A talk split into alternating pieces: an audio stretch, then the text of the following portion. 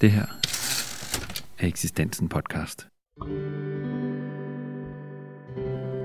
Kristendom ifølge er en serie udgivelser fra eksistensen, hvor en række kulturpersonligheder giver deres bud på, hvordan troen og kristendommen har formet deres tilværelse. En efterårslørdag i november samledes fem af bidragyderne på Vartov for at fortælle om deres bidrag til serien. Forfatter Anne-Katrine Rebnitski fortæller her, hvad det for hende blandt andet betyder at have tro i hverdagen, som også er titlen på hendes bog. Dejligt at se så mange. Det er lidt en sjældenhed i øjeblikket. Øhm, jeg har været ude at holde en del foredrag på det seneste, og der er ganske mange, som tænker, må vi overhovedet være mere end 10? Øh, men det får vi godt, så det er rigtig dejligt at se jer.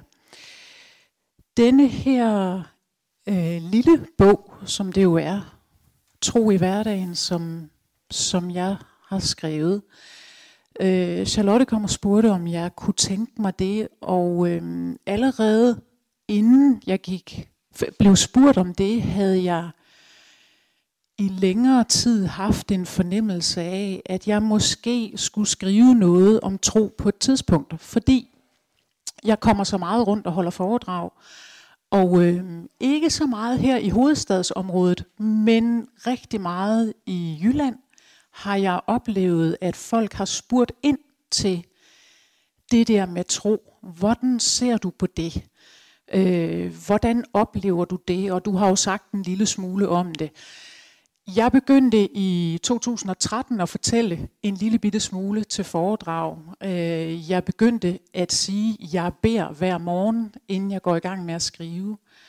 Og i 2013 var stemningen i Danmark en ganske, ganske anden, end den er i dag. Det var utrolig svært at komme til at tale om tro. Øh, der blev øjeblikkelig en stivhed i rummet, hvor folk tydeligvis var bange for, at jeg nu ville komme farne og slå dem i hovedet med Bibelen og sige, I skal opføre jer på den og den måde. Men det har ændret sig. Folk er blevet mere åbne, og de er blevet mere nysgerrige. Og derfor tror jeg, at der er et meget stort behov for en serie som denne her, hvor forskellige mennesker kommer med deres bud på, hvordan troen ser ud for dem. Og min beretning er en ret personlig beretning, og den er meget lige ud af landevejen, kan jeg lige så godt åbent indrømme, også hvis I ikke skulle have læst den. Den er ufattelig let læst, øh, på godt og ondt. Sagen er den, at jeg formodentlig overhovedet ikke ville være nået til at blive forfatter, hvis ikke jeg på et tidspunkt havde fået fornemmelsen af Gud. Jeg ville ikke have tur satse. Jeg ville ikke have tur tro på talentet. Jeg ville ikke have tur forfølge drømmen. Jeg havde nok snarere lyttet til min mor og far, som sagde, det kan du ikke leve af. Find på noget andet. Hvorfor går du ikke i en bank? Ja. Øhm. Så for mig handler min gudstro faktisk rigtig meget om frihed. Den handler rigtig meget om, som en, en, et ungt menneske, der er kommet ud af en dysfunktionel familie, pludselig at få lov at mærke kærlighed. Få lov at mærke kærlighed fra Gud. Få lov at mærke håbet, troen, fornemmelsen af, du kan godt. Kom nu. Jeg har lagt noget ned i dig. Brug det. Så det er også den beretning, der fylder i min bog. Øh, nu har den jo været på gaden i et stykke tid, og den er også kommet ud i et andet oplag, og der sker gode ting. Øh, den, jeg, jeg sælger den meget, når jeg er ude og holde foredrag. Jeg ved ikke, folk er helt vilde med den der lille lysrøde bog. Det er jo dejligt. Øhm, en af de kritikpunkter, jeg har mødt fra helt almindelige læsere, er, hvorfor har du ikke sagt noget om, hvordan du beder? Og det er lidt, lidt sjovt, fordi som I nok måske kan forestille jer, så kommer der mange ord ud af en forfatter. Så jeg havde ikke forestillet mig, at det kunne være et problem. at det der med at finde på, hvad skal man sige, når man beder. Jeg har, øh, så det er mere nogle andre emner, jeg har fokuseret på. Øh, noget af det i bogen, som folk til synlædende bider meget mærke i, det er øh, et kapitel, der handler om, hvordan man skældner mellem øh, ansvar og skyld. Og det er noget, som har fyldt meget for mig i min opvækst, øh, fordi der var mange ting at være vred over. Øh, og da jeg blev kristen, tænkte jeg, okay, der er også noget her, der skal tilgives. Hvordan kommer jeg videre? Og for at komme frem til tilgivelsen, havde jeg også behov for at se på forskellen på skyld og ansvar. Øhm, og det kunne jeg godt tænke mig at fortælle jer om. Uanset om I nu har læst bogen eller ej, så tænker jeg, at alle skal have noget med sig hjem i dag. Og det her billede, som kom til mig på et tidspunkt, hvor jeg slogs meget med det og tænkte, Gud, helt ærligt, det er ikke fair, at jeg er startet ud i sådan en familie med en far, der slog meget, og en mor, der forsøgte selvmord 10 gange, inden jeg var 18, og alt det der. Det var ikke helt fair. Du kunne godt have fundet noget bedre til mig, helt ærligt. Øhm, der kæmpede jeg meget med det, og øhm, på et tidspunkt, så dukkede der sådan et billede op inden i. Og det er et billede, som har hjulpet mig meget, og som måske også kan hjælpe jer. Hvem ved? Eller nogen I kender.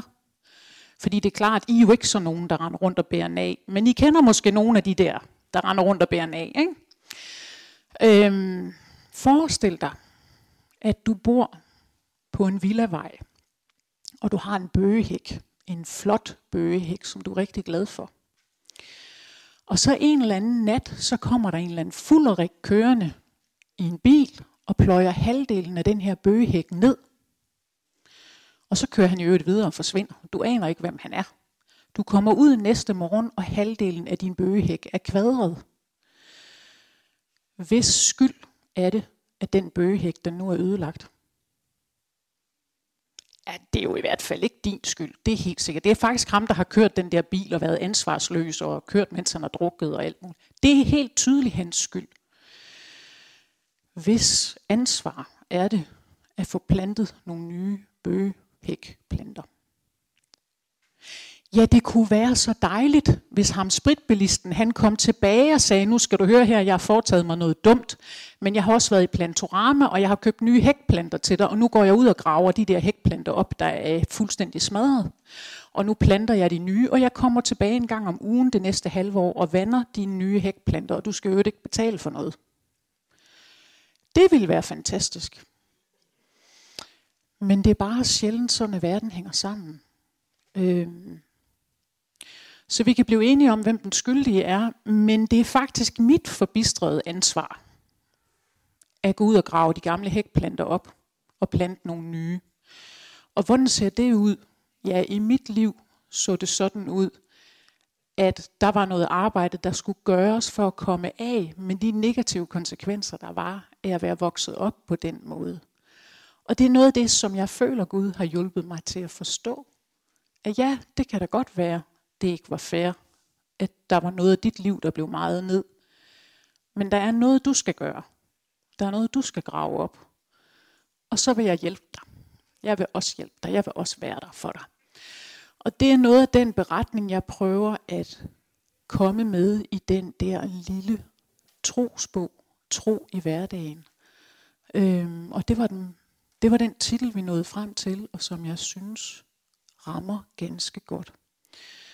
Øh, noget andet, jeg lægger meget fokus på fra start af, måske fordi jeg har været udstationeret i Afghanistan, og jeg har arbejdet med muslimer, bedt sammen med muslimer, det er også noget med, hvor enkel udgangspunktet er, synes jeg. Nemlig, at der for mig at se kun er øh, en enkelt indgangsport til det, vi definerer som kristendommen.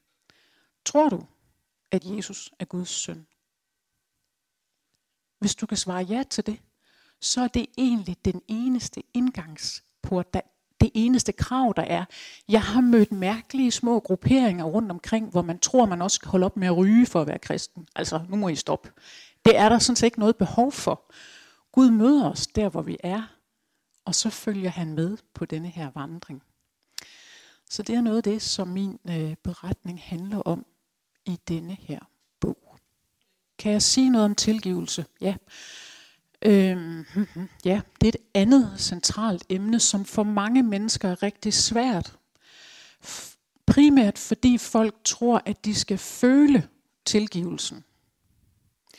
Hvor min påstand er, at man nok er nødt til at tage beslutningen om at tilgive, og så indhenter følelserne en bagefter.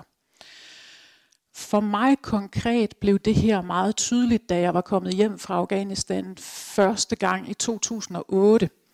Min far døde, mens jeg var udsendt, og min far, øh, har jeg jo allerede fortalt, var ikke ret nem at leve sammen med. Øh, og han var ofte vred. Så der var meget, jeg havde behov for at tilgive. Øh, blandt andet var min far umådelig økonomisk påholdende. Øh, hvilket vil sige, at alle altid måtte bede om alting, og ingen fik nogensinde noget sådan bare foræret. Øh, og det er hårdt at vokse op i, og vide, at man egentlig bare er en økonomisk belastning. Men det blev tydeligt for mig, øh, da jeg kom hjem, at nu var det nok på tide at tilgive. Og det gjorde det, fordi jeg begyndte at spore mine egne tanker. Jeg kunne mærke, at jeg var vred på ham, og, jeg, og det fyldte meget. Og på et tidspunkt begyndte jeg at, at sådan ligesom se det udefra og tænke, hvis nu din hjerne var et boligkompleks, fuld af lejligheder, og du så lejede alle de lejligheder ud til vrede, det er jo en dårlig betaler. Der er så meget godt, der ikke kan komme til at foregå i alle de lejligheder op i din hjerne. Så jeg tænkte, det var ved at være på tide. Og en morgen i påsken, jeg boede på det tidspunkt på Nørrebro, der, øh, jeg boede over for Stefanskirken, og så ringede kirkeklokkerne, og jeg tænkte, nu, nu tager du dig sammen, nu, det er nu, nu må du simpelthen gå i kirke, og så må du tilgive. Jeg ved ikke, for mig skulle det altså foregå i en kirke, det tror jeg ikke, det behøver, men det, det er absolut ikke nødvendigt. Men sådan var det for mig. Jeg gik over i kirken med et sort-hvid foto af min far. Græd mig igennem hele gudstjenesten, gik til alders med det her lille billede af min far. Og besluttede, nu tilgiver jeg. Nu gider jeg ikke spille flere kræfter på det her. For han er jo død, han kommer ikke tilbage, han kan ikke rette op på noget. Øh, Gud, du må give mig det igen, jeg har mistet. Så det var beslutningen. Og det er jo ikke det samme som, at tanker ikke af og til dukker op bagefter. Øh, det kan de meget vel gøre. Men jeg prøver at se de tanker som en, I kender sådan en tændstik, hvor der er ild i, den brænder sig ind mod fingeren. Det gælder om at få den smidt væk, inden man brænder fingrene. Ikke? Så man må kaste den tanke fra sig. Og jo flere gange man gør det, jo lettere bliver det. Og så det at holde fast i, jamen jeg har tilgivet, og Gud må rette op på det her. Og der blev jo rettet op på tingene hen ad vejen, stille og roligt, på meget fantastisk vis. Øhm. Så det er primært en beslutning, og så kommer følelserne bagefter. Og det er min opfattelse, at når folk ikke vil tilgive, så er det fordi, de tror, de straffer den anden ved at rende rundt og tænke negativt om vedkommende.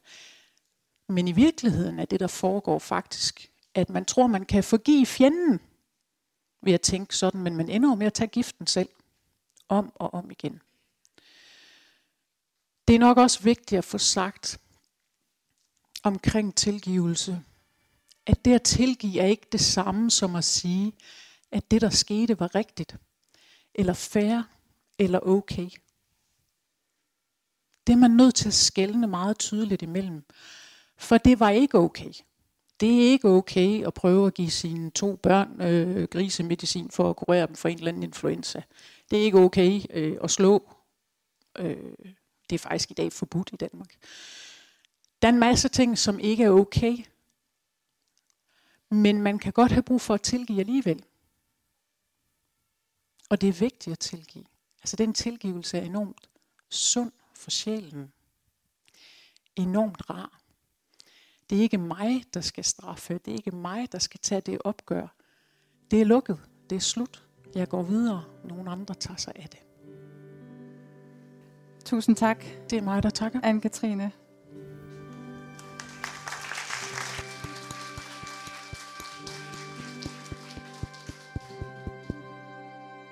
Kristendommen i følgeserien har bidrag fra blandt andet Niels Brunse, Anne-Katrine Ribnitski, Ole Hartling, Bjarne Lindau Henriksen Søren Ulrik Thomsen og Lars Mul med flere titler på vej.